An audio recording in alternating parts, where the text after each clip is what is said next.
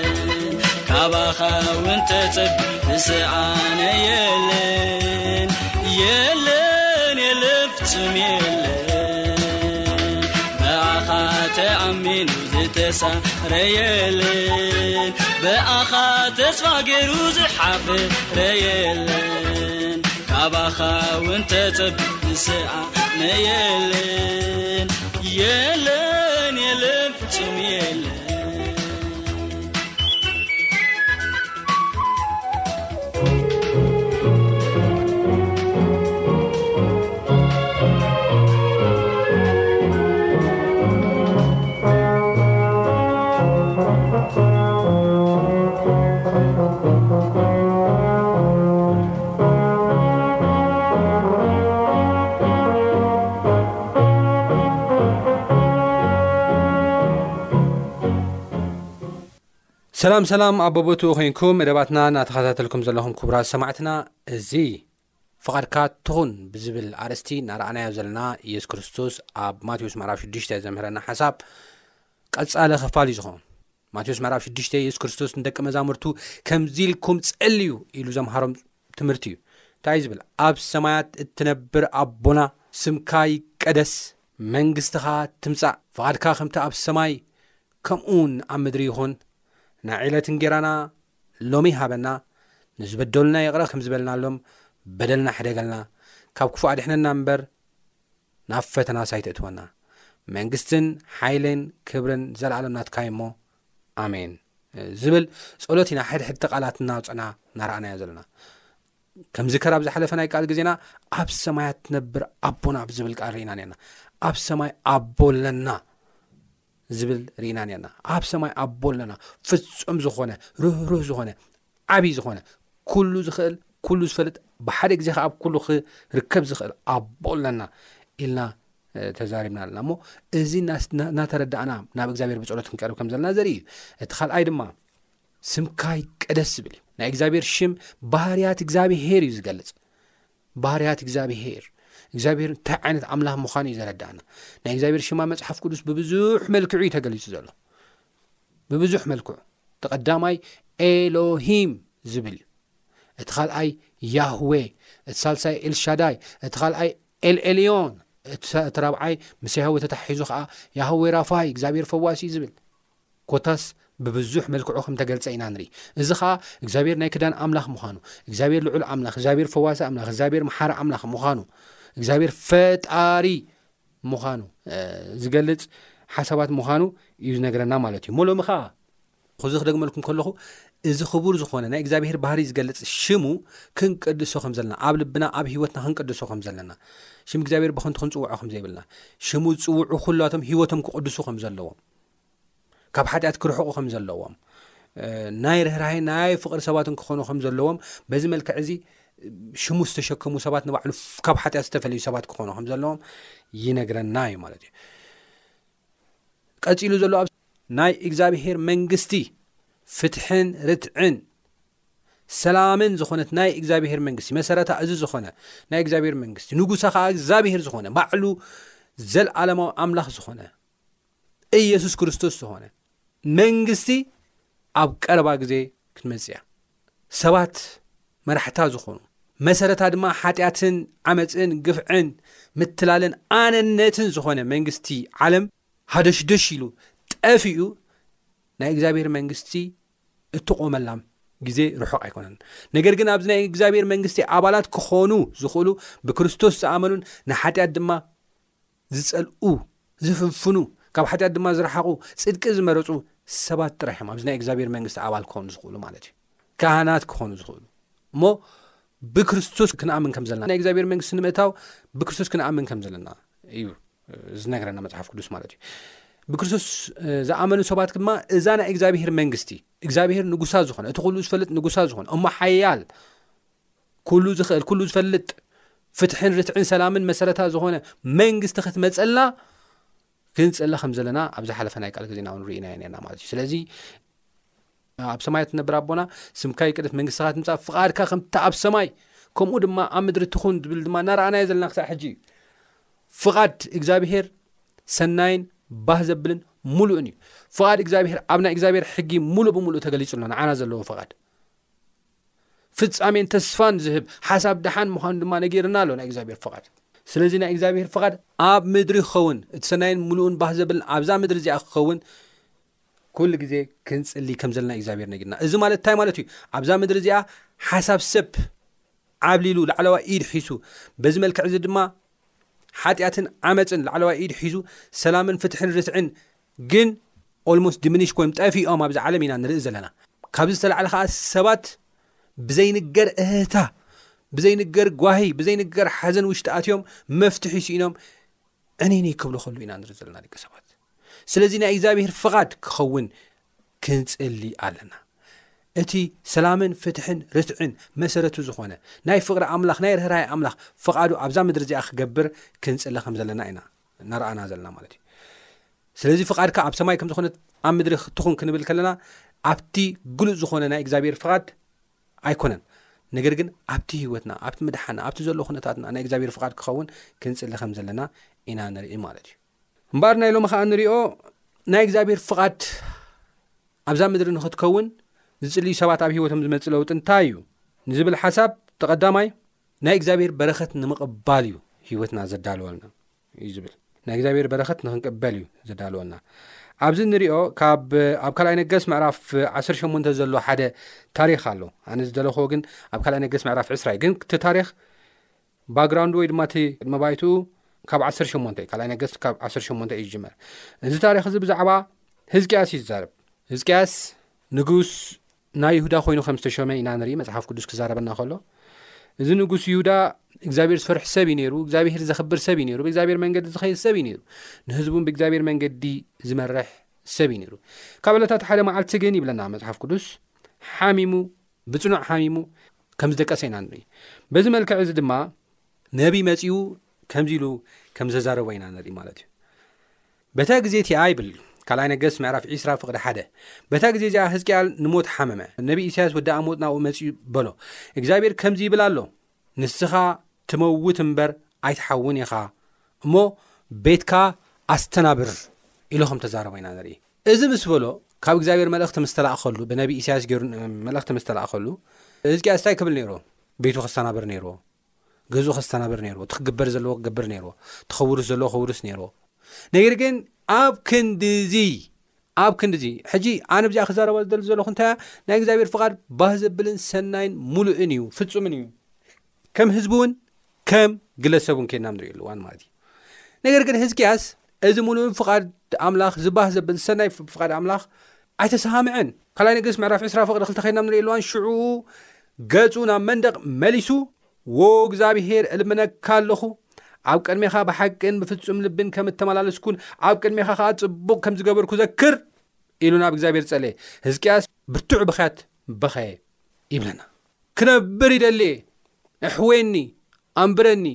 ዕድመ ወስኸለ ኢሉ ከም ጸለየ ኢና ንርኢ ድሓረይ ኢሳያስ ነቢ ኢሳያስ እንደገና ናብኡ ይመጽእ እሞ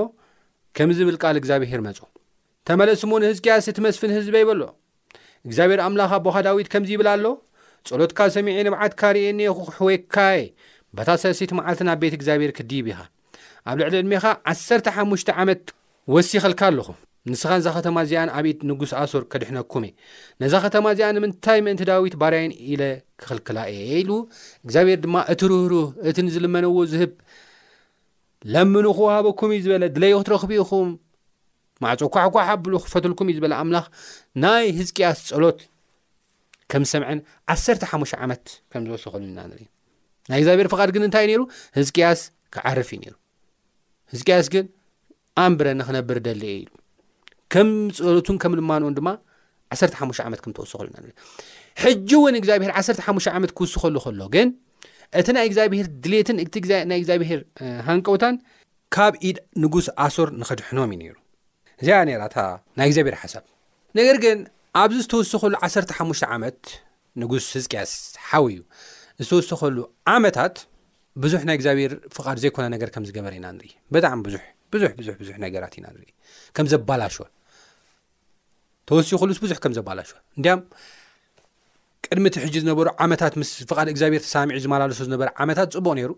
ደሓር ግን ዓሰርተ ሓሙሽተ ዓመታት ምስ ተወሰኸ ብዙሕ ጌጋታት፣ እቲ ቀዳማይ፣ ኣብ ቁጽሪ ዓሰርተ ክልተ ዄንና ኣብ ንርእዮ ኣሎዋን፣ በቲ ግዜ እዚ ብሮዳክ ባላዳን ወዲ ባልዳን ንጉስ ባቢሎን ህዝቅያስ ከም ዝሓመመ ሰሚዑ ነበረ እሞ፣ ንህዝቅያስ ደብዳቤን ገጸ በረኸቱን ሰደደሉ ይብለና ንጉስ ባቢሎን።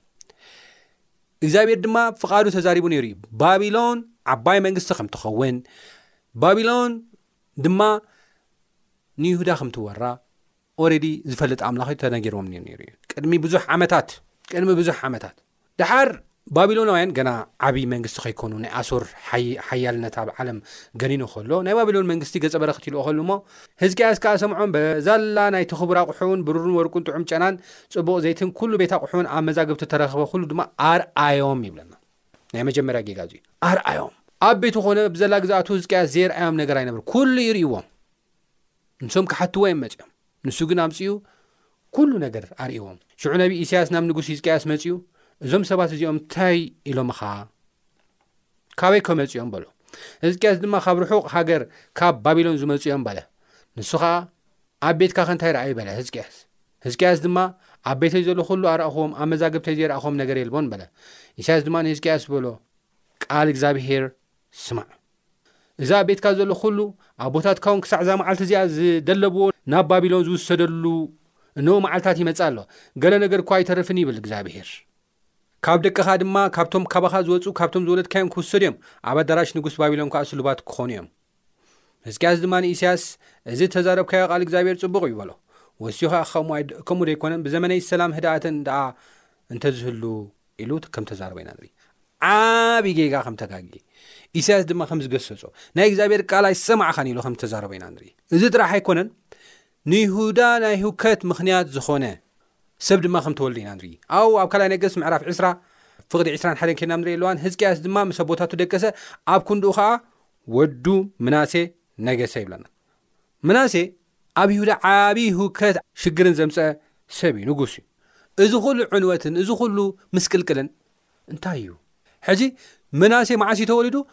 ድሕሪ ምሕዋይ ናይ ህዝቅያስ እዩ ተወሊዱ። እዚ ዝተወልደ ቆልዓ ከዓ ንእስራኤል ንይሁዳ ህውከት ከም ዝኾነ ኢና ንርኢ ማለት እዩ። ቅድሚ ምውላዱ ከዓ ህዝቅያስ ዝሰርሖ እንታይ ነይሩ? ንባቢሎን ኩሉ ነገር ኣርእዎም እዩ። እዚ ኹሉ ኣብ ምንቲ ምንታይ እንተ ኢልና ምስ እግዚኣብሄር ፍቓድ ዘይምስምማዕ እዩ። እግዚኣብሄር ፈቒዱ ፈትዩ ካብታ ሕማምካ ኣይትሓውን ኢኻ፣ ክትመውት ኢኻ፣ ፍቓደይ እዚ እዩ፣ ስለዚ ገዛኻ ኣስተናብር፣ እቲ ጸግዒ ክሕዝ ዘለዎ ጸግዒ ኣትሕዝ፣ ኣስተኻኽል፣ ኢሉ ክነግሮ ከሎ፣ ምስ እግዚኣብሄር ፍቓድ ተዝሰማማዕ ነይሩ፣ እዚ ኹሉ ምናልባት ኣይመጸን ነይሩ። ነገር ግን ምስ እግዚኣብሄር ፍቓድ ዘይምስምማዕ ዓቢ ዕግርግርን ዓቢ ሽግርን ከም ዝመጽኣ ይሁዳ ኢና ንርኢ ማለት እዩ ዓብ ጌጋታትን ከም ተፈፀመ ኢና ንርኢ ማለት እዩ እሞ ናይ እግዚኣብሔር ፍቓድ ክንሰማማዕ ከልና ሕራይ ክንብል ከልና እቲ ባህ ዘብልን ፍፁምን ፍቓድ ኣምላኽ ኣብ ህይወትና ንክኸውን ክንፈቅድ ከለና በረኸት ኣምላኽ እውን ከም ንቕበል ሰላምን ፍቕርን ከም ንረክብ ባህታ ኣብ ህይወትና ከም ዝኸውን እቲ ፍፁም ፍቓድ ኣምላኽ ድማ ኣብ ህይወትና ከም ዝከናወን እዩ ክንርዳእ ዘለና ማለት እዩ እዚ ጥራሕ ግን ኣይኮነን ናይ እግዚኣብሔር ፍቓድ ኣብ ህይወትና ክንፈቅድ ከለና መብራኽ ጥራሕ ዘይኮነ ብተወሳኺ እውን ክርስቶስ ምምሳል ከም እንዓቢ ክርስቶስ ምምሳል ከም እንዓቢ መፅሓፍ ቅዱስ ይዛረበና እዩ ኢየሱስ ክርስቶስ ኣብ ህይወቱ ንዓና ንመድሓን ኣብ ዝመፅኣሉ ኣብዚ ናይ ምድሪ ጉዕዙ ኣብ ህይወቱ ብጣዕሚ ዓበይቲ ዓበይቲ ፈተናታት ገጢሞሞ እዮም ዓበይቲ ዝኾኑ ፈተናታት ገጢሞሞ እዮም ምስ ሓጢኣት ዓብዪ ዝኾነ ፈተና እዩ ገጢሙ። ኢየሱስ ክርስቶስ ናይ ሓጢኣት ዓለም ተሸኪሙ ኣብ መስቀል ክስቀል ኣብ ዝመጸሉ እዋን ብገዛእ ርእሱ ሓንቲ ጌጋ ንኸይሰርሕ ዝተኻእሎ ዓብዪ ቅልስ እዩ ገይሩ። ብፍላይ ብፍላይ ድማ ናይቲ ቃልሲ ፒክ ወይ ድማ ናይ ጫፍ ክንሪኦ ከለና ከዓ ኣብ ጌተሰማኒ ዝነበረ ቃልሲ እዩ። ጌተሰማኒ እታ ግዜ ዝበፅሓትላ ኣይሁዳውያን እውን ተዳልዮም ንዑ ዝሰቕልሉ ዝሞተላ ግዜ ኣይበፅሓ ኣብኡ ዝነበረ ቃልሲ ከቢድ ቃልሲ እዩ ነይሩ። ኢየሱስ ክርስቶስ እውን ፍቓድካ ተኾይኑስ እዛ ጽዋእ እዚኣ ካባይ ክትሓለፍ እልምነካ ኣለኹ ኢሉ ዝጸለየሉ እዩ ኣብ ግዜ ቁሪ ቁርብ ዘለወሉ እዋን ምርሃፅ ጥራሕ ዘይኮነ ናይ ደም ረሃፅ ጠብጠብ ዘበለሉ ግዜ እዩ ነይሩ እቲ ናይ ጌተሰማኒ ብፀሎት ማለት እዩ ነገር ግን ኣብ ከምዚ ዓይነት ጭንቀት እኳ ኮይኑ ኣብ ከምዚ ዓይነት ሸክሚ እኳ ኮይኑ ኢየሱስ ክርስቶስ ዝበሎ ነገር ተሃለወ እንታይ እዩ ኣብ ዮሃንስ ወንጌል ምዕራፍ ሓሙሽተ ፍቕዲ ሰላሳ ኣነ ዝመጻኹ ሲ ናይቲ ዘለኣኸኒ ፍቓድ ክገብር እየ እምበር ናይ ባዕለይ ፍቓድ ኣይኮንኩን ኢሉ ክዛረብ ከሎ ኢና ንርኢ ኢብን ኣብቲ ናይ ጌተሰማኒ ጸሎቱ እዚ እውን ሲ ከምቲ ኣነ ዝደለኹዎ ዘይኮነስ ከምቲ ንስኻ ዝደለኻዮ ከምቲ ንስኻ ዝፈቐድካዮ ይኹን ኢሉ ክዛረብ ከሎ ኢና ንርኢ ቁፅሪ ሰላሳ ከምዚ ኢሉ ይዛረብ ኣብ ዮሃንስ ወንጌል ምዕራፍ ሓሙሽተ ፍቕዲ ሰላሳን ደቀ መዛሙርቱን ክዛረብ ከሎ ካብ ርእሰይ ገለ ክገብር ኣይክእልን እየ ፍቓድ እቲ ዝለኣኸኒ እምበር ፍቓደይ ኣይደልን እየ እሞ ኣነ ከምቲ ዝሰማዕኹ እየ ዝፈርድ ፍርደይ ከዓ ቁኒዑ ይበለ ወ ኣነ እቲ ዝለኣኸኒ እምበር ፍቓደይ ኣይደልን እየ ፍቓድ እቲ ዝለኣኸኒ እምበር ፍቓደይ ኣይደልን እየ ንክዛረብ ከሎ ኢና ንርኢ ኣብታ ጌት ሰማን እውን ፍቓድካ ይኹን እበር ፍቓድ ኣይኹን ኢሉ ክፅል ከሎ ኢና ንርኢ ፍቓዱ ከዓ ክቀድም ከሎ ኢና ንርኢ ናይ የሱስ ክርስቶስ ፍቓድ ኣብቲ ግዜ እቲ ሸክሚ በዚሕዎ ብፀሎት ክቃለስ ከሎ ሓደ እኳ ዝሕግዞ ስኢኑ ኣብ ግዜ ቁሪ ክርህፅ ከሎ ብጭንቀት ትዝርሃፁ ከዓ ክሳብ ደም ጠምጠብ ዝበል ክኸውን ከሎ ናይ የሱስ ክርስቶስ ድሌት ካብታ ኣብ ቅድሚኡ ዘላ ናይ መስቀል ሞት ንክድሕንን ንክተርፍን እዩ ነይሩ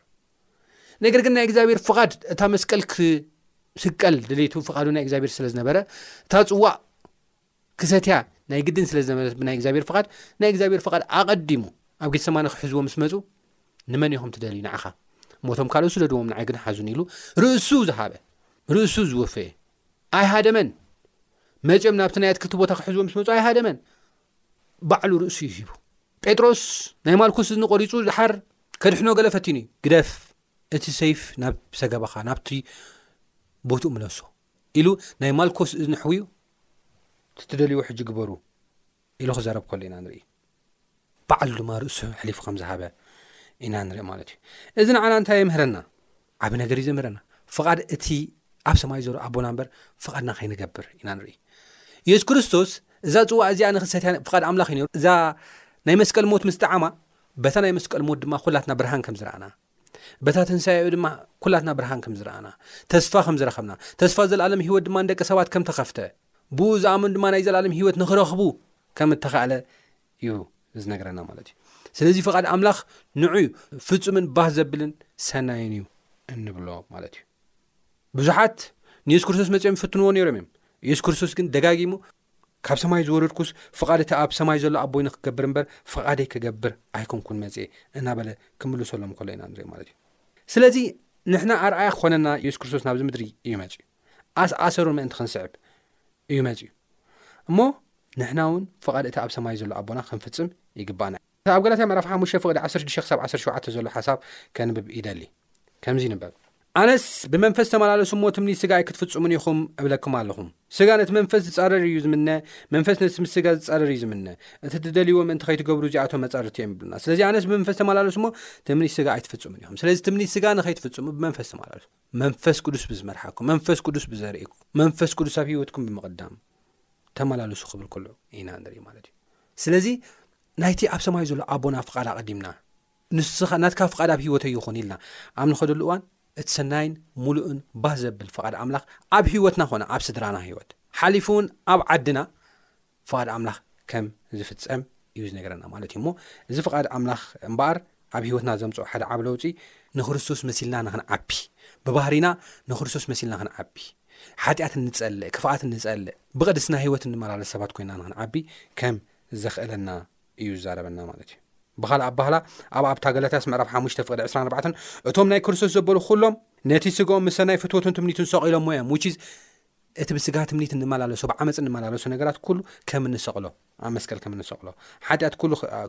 ከም እንሰቕሎ እዩ ዝዛረበና ማለት እዩ እሞ በዚ መልክዕ እዚ ከም ፍቓድ ክርስቶስ ክንመላለስ እግዚኣብሄር ጸግኡ የብዝሓልና ኣብ ዝቕጽል ብኻልእ ክሳብ ንራኸብ ሰላም ኩኑ ጎይታ ይባርኩም